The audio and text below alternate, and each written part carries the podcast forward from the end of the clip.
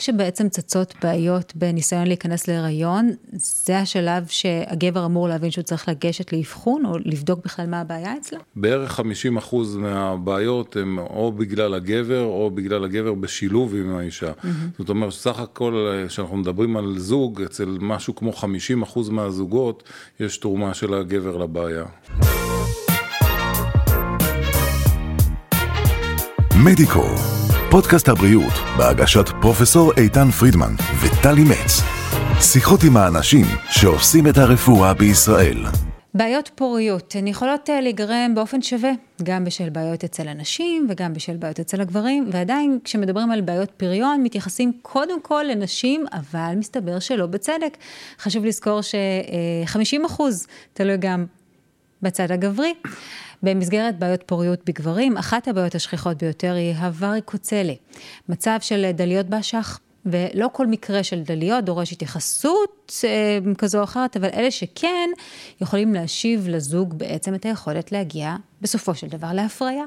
אז אנחנו ננסה להבין קצת יותר טוב במה מדובר, מה זה וריקוצלה, איך ניתן לטפל בזה, מה זה בעצם אומר בפועל. על כך יספר לנו דוקטור שי שפי, מומחה לאורולוגיה, מנהל המרכז לאנדרולוגיה מתקדמת. שלום, דוקטור שפי. ברוך הבא. ברכה, טלי. לפודקאסט שלנו.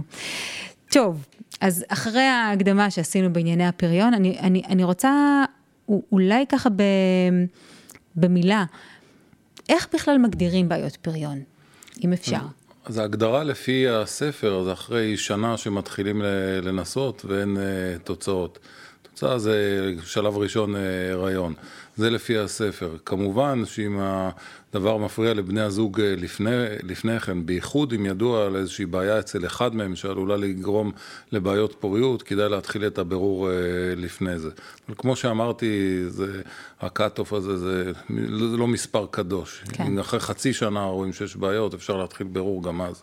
גם אני מניחה שלפעמים, או, או שאני מניחה לא נכון, תקן אותי, אבל לפעמים יש איזשהו רקע, זאת אומרת, זה לא בהכרח בא יש מאין. הגבר יודע שאולי יש לו איזשהו... ברור, ברור, אבל למרות, למרות זאת, דווקא רוב, רוב הגברים, אני מתעסק כאן בצד של הגבר, לא בצד של האישה, ואנחנו צריכים שני, להתייחס לשני הצדדים, אז ברוב המקרים דווקא זה נופל על גבר צעיר ובריא בדרך כלל כרעם ביום בהיר. לא ידע קודם ש, שיש איזושהי בעיה, מנסים, מנסים ולא מצליחים. אז רק כשבעצם צצות בעיות בניסיון להיכנס להיריון, זה השלב שהגבר אמור להבין שהוא צריך לגשת לאבחון, או לבדוק בכלל מה הבעיה אצלו? זהו, אם, כמו שאמרתי, אם לא ידועות לפני זה בעיות רפואיות שיכולות להיות קשורות אה, לזה, אז ההמלצה שקיימת כבר כמה עשורים אה, בגופי הפוריות המובילים בעולם, היא ששני בני הזוג אה, צריכים אה, לעבור את הבירור. מדוע? כי כמו שאמרת אה, קודם בפתיח, בערך 50% מהבעיות הן או בגלל הגבר, או בגלל הגבר בשילוב עם האישה. Mm-hmm. זאת אומרת, סך הכל, כשאנחנו מדברים על זוג, אצל משהו כמו 50% מהזוגות, יש תרומה של הגבר לבעיה. אוקיי, okay. אז זה ככה במובן היותר כללי של אה, בעיות להיכנס להיריון, אה, וממי הן עלולות אה, להיגרם. עכשיו בואו בוא נתפקס באמת בנושא שלשמו התכנסנו כאן, וזה באמת העניין של וריקוצלה דליות באשך. מה בעצם הסימפטומים של זה? איך יודעים שזה קיים? אז זהו, אה, סימפטומים שעלולים להיגרם מזה הם לא, הם לא רבים. זה כאבים באשך וכאבים אה, הם אה, בצור, בצורה מסוימת, לא כל כאב באשך הוא מתאים לכאבים של וריקוצל, אז חלק מהגברים מגיעים לאבחון בגלל כאבים באשך. פה מכיוון ש... הרבה מאוד אנשים, אני כבר לא אגיד כולם, עוברים דרך לשכת גיוס, אז בלשכת גיוס מגלים את זה בתור, אה, בתור אה, ממצא, ממצא מקרי, וחלק, שזה לא בדיוק הנושא שלנו היום, חלק זה אה, מתגלה עוד אצל מתבגרים או ילדים בנסיבות כאלה ואחרות, אבל זה לא, לא, לא כן, קשור לנושא פחות. שלנו היום. מה, מה היו הסימפטומים של זה? הכאב, הכאב האופייני זה כאב עמום, מושך. כאב שקשור למאמץ גופני, בזמן מאמץ גופני, אחרי מאמץ גופני, אחרי עמידה ממושכת, כשחם יותר, זה לא כאבים חזקים, זה לא כאבים שמעירים מהשינה, זה לא משהו אקוטי שצריכים לרוץ למיון בגללו. בדרך כלל אנשים שסובלים מכאבים כאלה כבר סובלים איזה תקופה לא, לא קצרה, מגיעים לאבחון. אה, בגלל הבעיה, בגלל הבעיה הזאת של, של הכאב, ואז מאובחן בבדיקה הגופנית אה, וריקוצל, או בעברית דליות האשך. אני מתארת לעצמי שאם זה באמת משהו שנגרם אחרי מאמץ גופני, או אחרי איזושהי עמידה ממושכת, או, או כזו שבאמת מקשה על הבן אדם, סביר מאוד להניח שהוא ישליך את זה על זה, זאת אומרת, הוא יגיד, אוקיי, התאמצתי מאוד, התעייפתי מאוד, היה חם מאוד, ולכן כואב. אז אני תוהה עד כמה יש משמעות לגילוי בזמן. אז, של אז זהו, שזה לא צריך להיות. אה, כשמתאמצים לא, לא צריך לסבול מכאבים באשכים. אמנם אה, וריקוצל הוא נפוץ, נפוץ מאוד, זה ממצא שקיים אצל משהו כמו 15% מה, מהגברים, מאוד נפוץ, אבל לא כל מי שיש לו וריקוצל יצטרך לטפל בו. זה בשביל זה באמת צריך לעשות את הבירור האנדרולוגיה המסודר, כדי, מכל הקבוצה הגדולה הזאת של 15% מה, מהגברים, בסופו של דבר יזדקקו לטיפול מתוכם. משהו כמו 20 או 25 אחוז, אה. חמישית עד רבע מאלה שיש להם וריקוצל. מי כן ומי לא, זה, זה לפי הממצאים בבירור, אבל בפירוש לא כולם. אוקיי, okay, אז בוא נדבר באמת על השיטות לטפל בזה, באלו שכן יש צורך לטפל בהם. מה, מה נכון להיום נהוג לעשות? נכון, נכון להיום השיטה הכי מודרנית וה, והכי טובה, הן מבחינת הסיכויים אה, לשיפור והן מבחינת הסיבוכים המועטים שיש לה, זה התיקון המיקרוכירורגי, הניתוח המיקרוכירורגי. זאתי השיטה הכי מודרנית מצד אחד, מצד שני זה לא איזה טיפול ניסיוני שהתחילו אה, להתעסק איתו לפני חצי שנה. יש לזה כבר אה, ותק של מעל, מעל ל-20 שנה.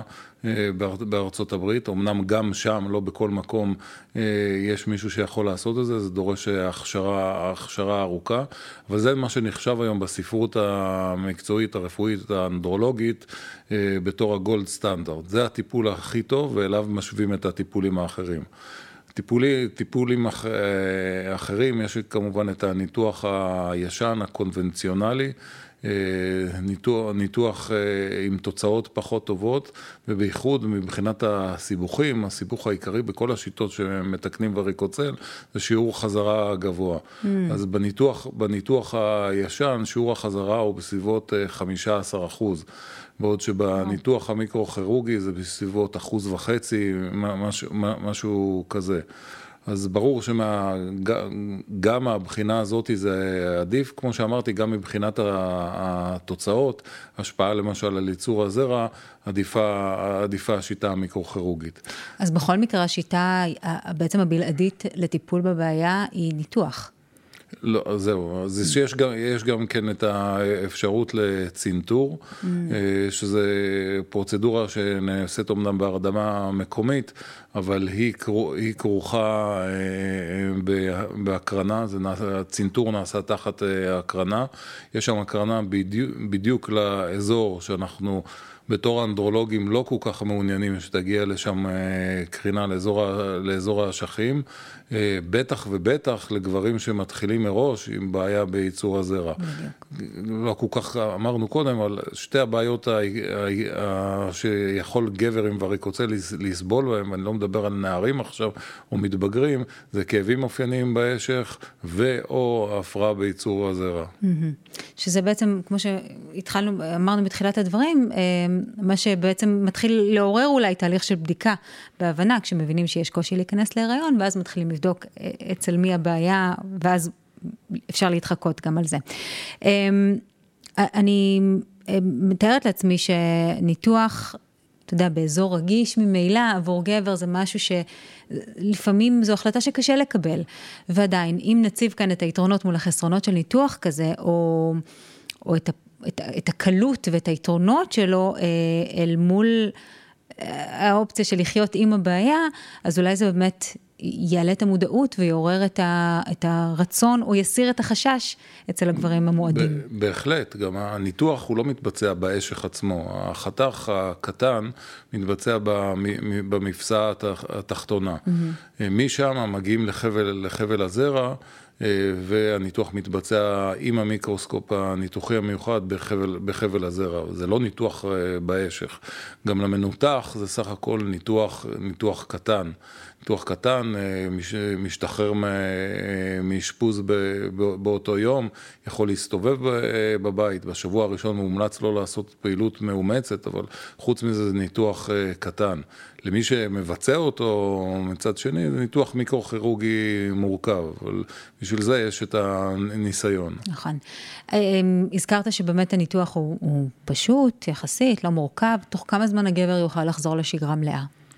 אז בדרך, בדרך כלל, תוך, תוך שבוע הוא יכול לחזור לו באופן, באופן הדרגתי לשגרה, לשגרה מלאה. אה, במסגרת אה, הפעילות שלי יוצא לי לנתח גם ספורטאים, גם חיילים קרביים. חיילים קרביים מאוד מודים, מודים לי שאני נותן להם 21 גימלים, אומרים לי תודה רבה על שבועיים חופש, שבוע ראשון אולי, אבל עוד שבועיים של חופשה בבית ובהחלט נהנינו.